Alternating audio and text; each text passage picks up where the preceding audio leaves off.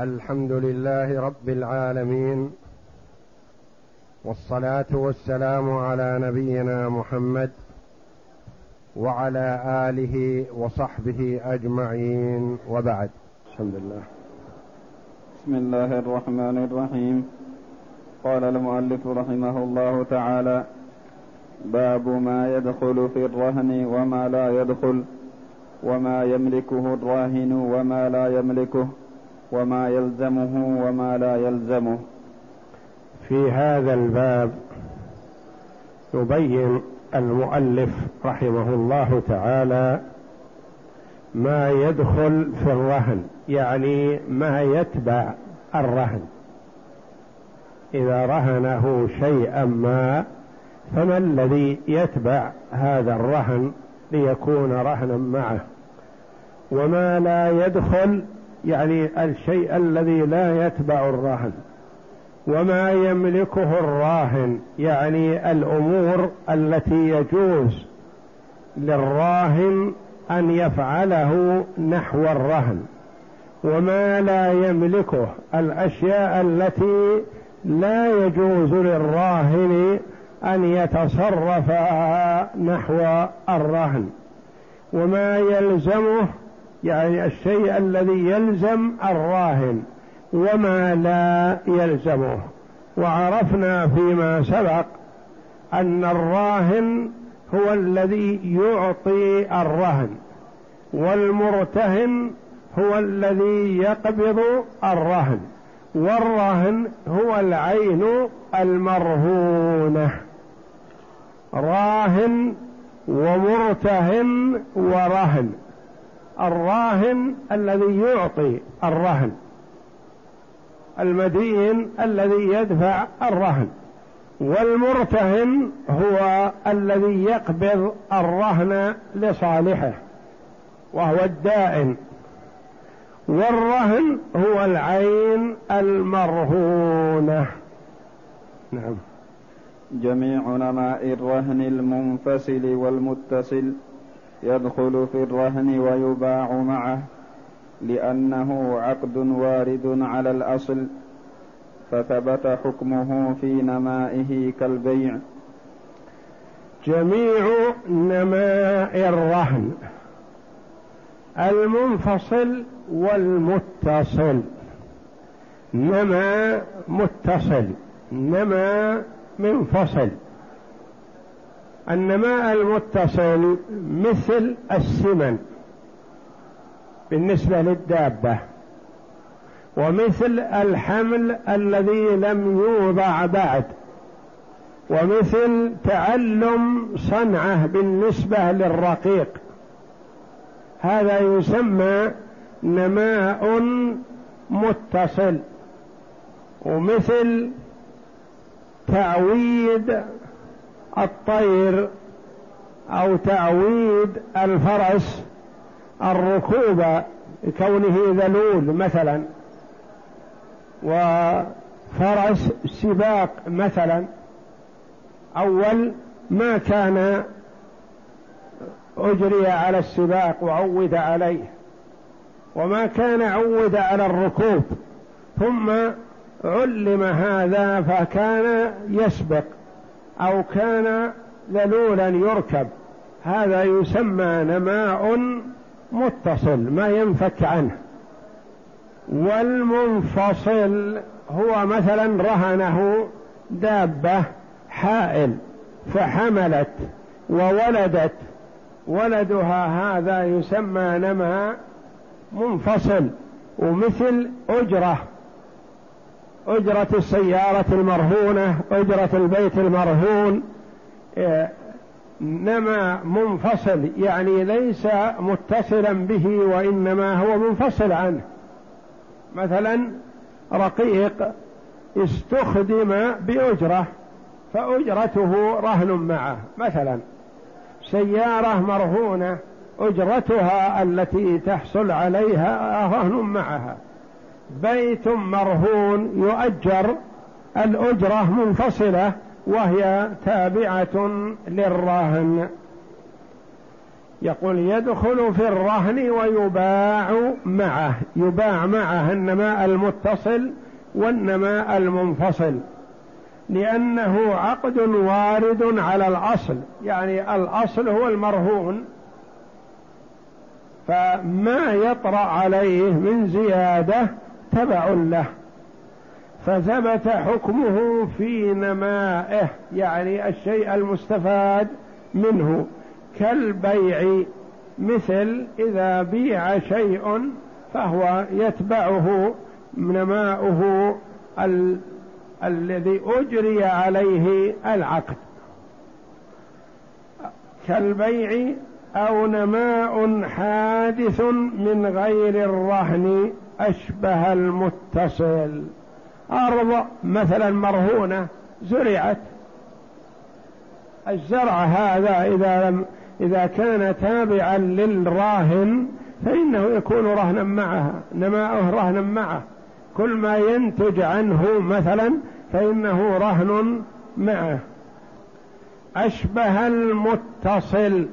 أشبه الشيء الذي لا ينفك عن الراهن نعم. ولو ارتهن أرضا فنبت فيها شجر دخل في الرهن لأنه من نمائها سواء نبت بنفسه أو بفعل الراهن.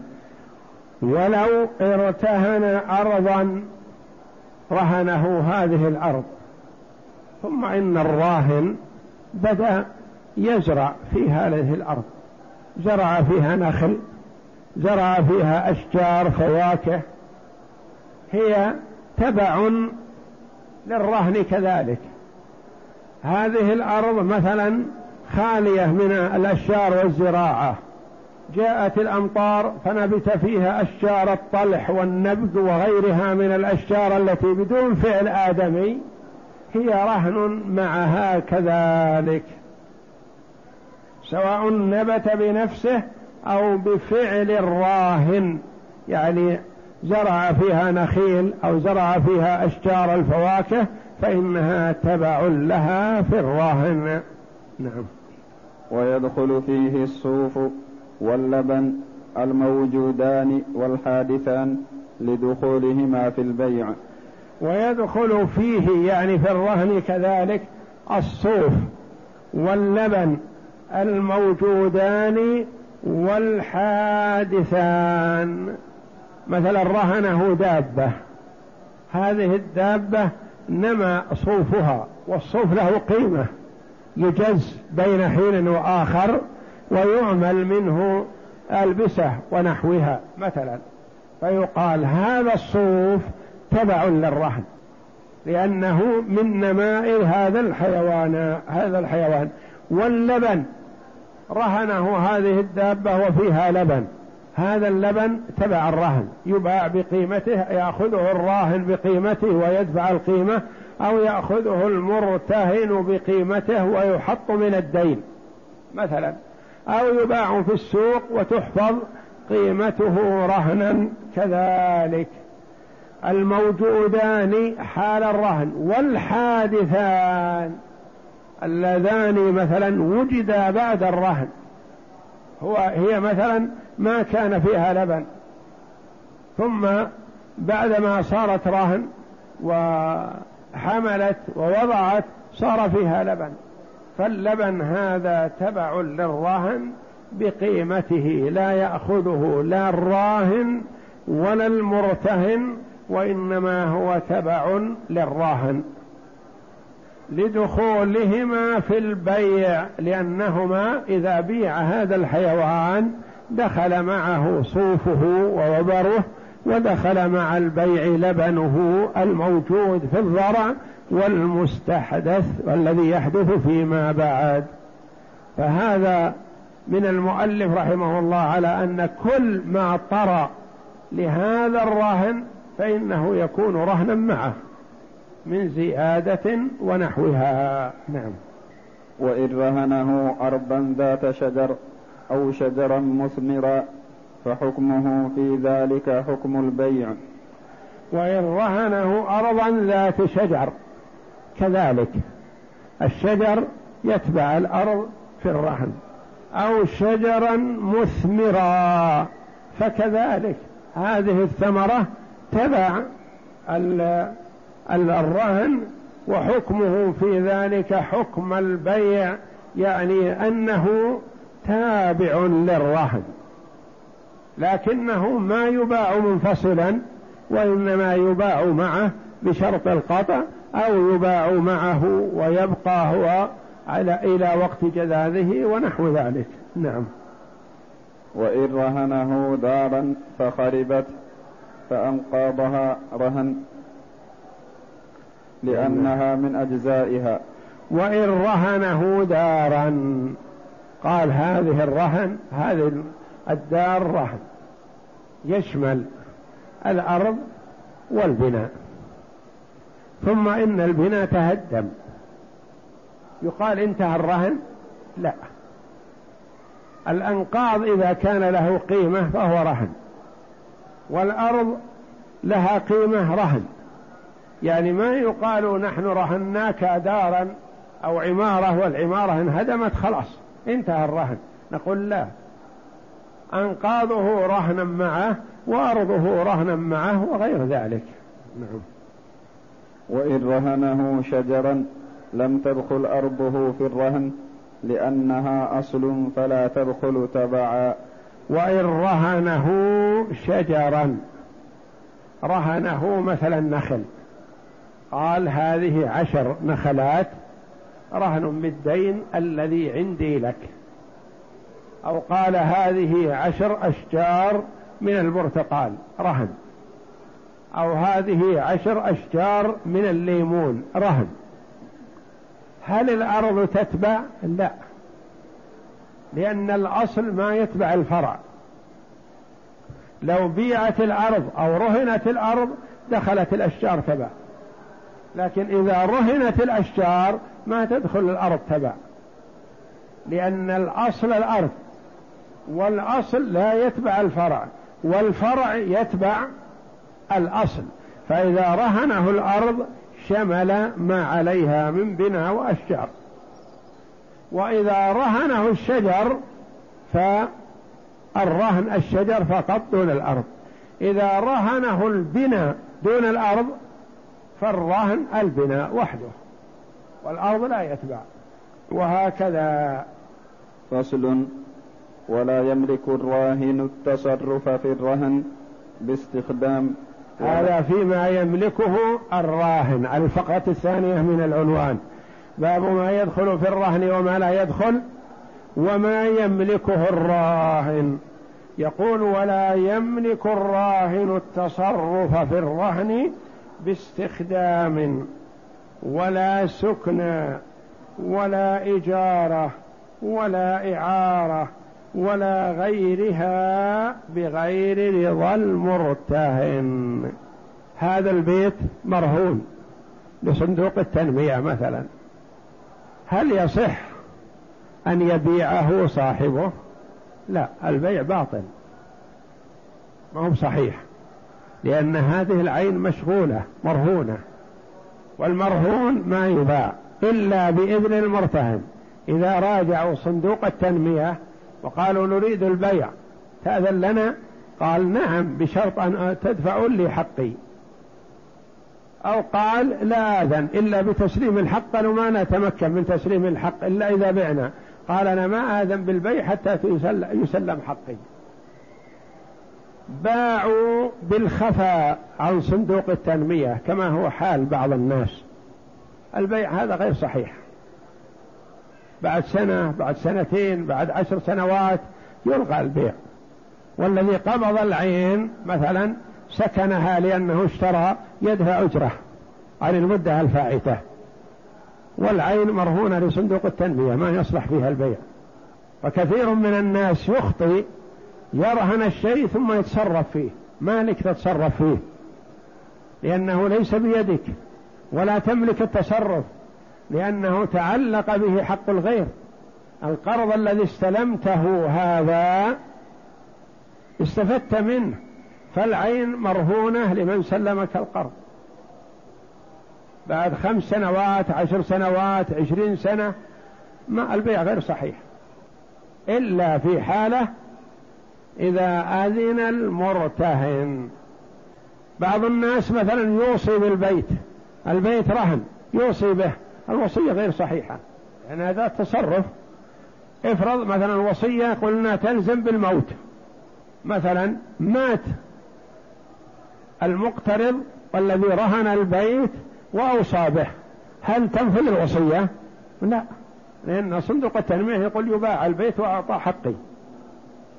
فهو مرهون فلا تنفذ فيه الوصية ولا ينفذ فيه البيع ولا ينفذ فيه العطاء إذا تنازل عنه مثلا لابنه أو لأخيه أو لزوجته أو قرر مثلا أن نصف البيت لزوجته أو نصف البيت لأخيه ونحو ذلك ما ينفذ لأنه أقر بشيء قد تعلق به حق الغير. ولا يملك الراهن التصرف في الرهن باستخدام يعني ما يملك أن يسكن في الدار المرهونة إلا بإذن من المرتهن ولا سكن يعني ما يؤجلها ولا يسكنها إلا بإذن من المرتهن إن أذن وإلا فلا. ولا إجارة ولا إعارة يسكن فيها إلا بإذن ولا غيرها بغير رضا المرتهن. إذا رضي المرتهن بأن تسكن في هذه العين المرهونة أو رضي أن تنتفع بها بزراعة أو نحوها إذا كانت الأرض مرهونة أو رضي أن تؤجر هذه العمارة إذا كانت مرهونة. أو رضي أن تعيرها تسكن فيها من تشاء. مثلا بإذن من المرتهن فلا بأس. وأما ما دام لم يأذن فلا يصح للراهن أن ينتفع بالعين المرهونة إلا بعد اتفاقه مع المرتهن على تأجيرها. مثلا وتحفظ الأجرة تكون رهنا معها. نعم. ولا يملك المرتهن ذلك بغير رضا الراهن. ولا يملك المرتهن القابض للعين المؤجرة. العين المرهونة الراء المرتهن مثلا قال أجرها. يقول تأجيره غير صحيح. يقول مثلا يسكن فيها شخص نقول ما تملك. المرتهن ما يملك التصرف والراهن ما يملك التصرف إلا برضا الطرفين. رغب الراهن في تأجيرها والمرتهن يقول لا يا أخي لا تؤجرها تخرب. إذا أجرتها خربت. فإذا أردنا بيعها فيما بعد ما وجدنا شيء نبيعه إلا شيء تالف. المرتهن يريد تأجيرها. يقول أريد تأجيرها من أجل أن نستفيد من الأجرة نأخذها ونسدد بها. الراهن يقول لا أنا ما أريد تأجيرها. أنا أبقى الراهن بيدك حتى ييسر الله لي سداد فإذا سددت أقبض البيت وهو عامر. ما أريد أن يكون مؤجر. فلا يملك هذا ولا هذا لأن فيه حقان. حق للراهن وحق للمرتهن. ولا يملك الراهن التصرف في حق المرتهن ولا يملك المرتهن التصرف في حق الراهن إلا باتفاقهما. هذه العمارة مثلا مرهونة يقول الراهن للمرتهن والمرتهن للراهن لا فائدة من إقفالها نؤجرها ويكون تكون أجرتها معها رهن. هذه السيارة مثلا مرهونة لا فائدة من إيقافها. يسلمها لسائق يكتسب عليها وما يسوق الله من أجرة وريع يكون معها رهن. وهكذا. لكن ما يملك أحدهما التصرف دون إذن الآخر. نعم. فإن لم يتفقا على التصرف كانت منافعه معطلة تهلك تهلك تحت يد المرتهن حتى يفك. لأن فإن لم يتفقا الراهن قال يا أخي نؤجر العمارة تساوي أجار طيب. هي مرهونة مثلا بمليون ريال. قال نؤجرها يا أخي في السنة يمكن تجيب مئة ألف. خلال خمس ست سبع سنوات نحصل على خير كثير من الأجرة. قال لا يا أخي سدد الرهن سدد الدين وتصرف برهنك. وأجرها للمستأجرين يتلفونها. إذا أردنا بيعها فيما بعد ليستوفي حقي ما تساوي شيء. أراد المرتهن التأجير قال نأجرها لأجل نستفيد من الأجرة ونجعلها رهنا معها. بدل ما يكون الرهن مثلا عمارة فقط يكون عمارة ومائة ألف ومائتين ألف وكذا كل سنة أجرتها تكون رهنا معها. يقول الراهن لا يا أخي أنا ما لي نظر في تأجيرها وأجرها إلى ناس يخربونها. أنت راهن هالعمارة ذي هالعمارة تحت يدك؟ لكن ما تصرف فيها أنت وأنا كذلك ما أتصرف حتى ييسر الله لي سداد فأسدد فأخذ عمارتي. أنا ما أريدها لتستأجر تتلف. فلا يملك واحد منهما التصرف فيها بدون الآخر. فإن لم يتفقا ما اتفقوا. واحد يرغب في التأجير والثاني ما يرغب. فلا تؤجر. تبقى معطلة؟ نعم نقول تبقى معطلة لأنها محبوسة لهذه القيمة. فلا يكون حافز على المبادرة بتسديد الدين وبراءة وسلامة الرهن. تهلك تحت يد المرتهن حتى يفك. يأتي الراهن يقول يا أخي العمارة تساوي مائة ألف سكة فقط. قال سدد يا أخي وتصرف في ملكك. أنا ما أريد أن نؤجرها. تبقى محبوسة بيدي أنا ما أستفيد منها وأنت ما تستفيد. هذا حافز لك على أن تبادر بسداد الدين. بادر بسداد الدين وخذ عمارتك. حتى يفك نعم لأن الرهن. لأن الرهن عين محبوسة على استيفاء حق فأشبهت المبيع المحبوس على ثمنه. لأن الرهن الذي هو العين عين محبوسة. محبوسة لأجل ماذا؟ لأجل استيفاء حق. فأشبهت المبيع المحبوس على ثمنه. تبايع باع عمارة على شخص ما. قال البايع سلم الدراهم. قال ما عندي. قال إذا العمارة تبقى. أنت ما تستفيد منها وأنا ما أستفيد منها حتى تسلم القيمة. إن سلمت القيمة فالعمارة عمارة تتصرف فيها. أنا أمسك عمارتي ما يمكن أن تستفيد منها حتى تدفع. من حق البائع أن يقول أنا ما أقبضك الشيء حتى تعطيني القيمة. أنا ما أقبضك هذه السيارة حتى تدفع القيمة كاملة. متفقين على أن القيمة حاضرة مثلا خمسين ألف. قال يا أخي سلم خمسين ألف خذ السيارة. قال ما عندي. أعطني السيارة أشتغل عليها حتى أسلم. قال لا يا أخي أعطيك السيارة تصدم فيها أو تسوي عليها حادث تخسر القيمة كلها منين تسدد؟ أنا أمسك السيارة حتى تعطيني القيمة. وذاك يقول ما عندي قيمة الآن.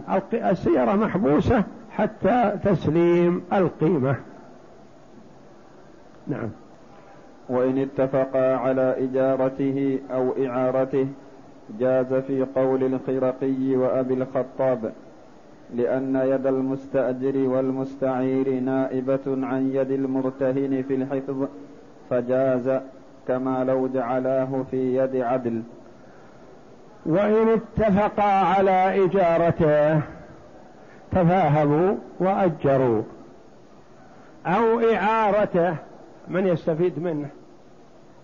جاز في قول الخرقي وأبي الخطاب من أئمة الحنابلة لأن يد المستأجر والمستعير نائبة عن يد المرتهن في الحفظ.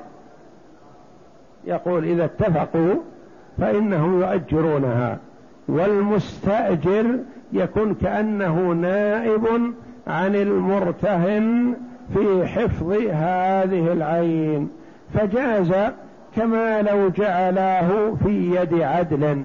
إذا كان الشيء مثلا رهن مصاغ أو نحوه مثلا. المرتهن قال ما أريد أن يبقى بيدك أخشى أن تبيعه. الراهن يقول أنا ما أعطيك إياها أخشى من تصرفك فيها. فإذا اختلفا فما العمل؟ الحاكم يكلف ثقة يتفقان على إيداع هذه العين المرهونة عنده. فقال إذا حصل التأجير فكأن المستأجر مؤتمن مثل العدل الذي تجعل العين المرهونة عنده. نعم. ولا فائدة في تعطيل المنافع. يعني ما يحسن أن يتنازعا ويمتنعا من تعطيل المنفعة. هذا حرمان. هذه العمارة مثلا مرهونة بخمسة ملايين مثلا ويمكن تؤجر بخمسمائة ألف. فيقول مثلا يتعاندان ويقول أحدهما للآخر تبقى مسكوكة؟ لا هذه خسارة. يستفاد منها وتؤجر لصالح الطرفين لصالح المرتهن أنه تكون فيه عين فيه نقد يسدد منه الدين. لصالح الراهن يستفيد من عمارته هذه. نعم. ولا فائدة في تعطيل المنافع لأنه تضييع مال نهى النبي صلى الله عليه وسلم عنه. نهى النبي صلى الله عليه وسلم عن قيل وقال وكثرة السؤال وإضاعة المال. ما يجوز للإنسان مثلا عمارة ممكن تؤجر يقول لا ما أنا مأجلها بسكة. ماذا تستفيد من إغلاقها؟ أجلها تستفيد منها. هذا إذا امتنع عن التأجيل هذا تضييع منافع. تضييع شيء يعود عليه بالنفع فما ينبغي أن يضيع ماله. والنبي صلى الله عليه وسلم نهى عن تضييع المال وإضاعة المال. نعم. وقال أبو بكر لا يجوز إجارته فإن فعل بطل الرهن لأن الرهن يقتضي الحبس عند المرتهن أو نائبه فمتى وجد عقد يقتضي؟ يقتضي زوال الحبس بطل الرهن. وقال أبو بكر من أئمة الحنابلة لا تجوز إجارته فإن فعل يعني أجر الرهن يقول بطل لما يرحمك الله؟ قال لأن الرهن محبوس على هذه القيمة فإذا تصرف فيه بهذا التصرف ما صار محبوس. ما صار رهن بطل الرهن والقول الأول أولى والله أعلم. نعم. وقال ابن أبي موسى إن أجره المرتهن أو أعاره بإذن الراهن جاز. وإن فعل ذلك الراهن بإذن المرتهن فكذلك في أحد الوجهين. وفي الآخر يخرج من الرهن لأن المستأجر قائم مقام الراهن فصار كما لو سكنه الراهن. وقال ابن أبي موسى من أئمة الحنابلة إن أجره المرتهن أو أعاره بإذن الراهن جاز. يقول ما يؤثر على الرهن لأن المرتهن قابض للعين فأذن له بتأجيرها فهي كأنها لم تزل عن يده. فالراهن بحاله ولا بد أن يكون بإذن من الراهن. وإن فعل ذلك الراهن بإذن من المرتهن فعلى وجهين. إن فعل المرتهن قال لا بأس لأن المرتهن العين بيده وهو أجرها فكأنها لم تزل عن يده. إن فعله الراهن قال على وجه على التأجير. القول الآخر الوجه الآخر أن الرهن يبطل. إذا أجرها الراهن قال كأن المرتهن أذن للراهن في التصرف في الرهن فبطل الرهن. كما لو قال له دعه بيدك أو اسكنه أو نحو ذلك بطل الرهن لأنه ما استدام قبض الرهن. نعم. والله أعلم.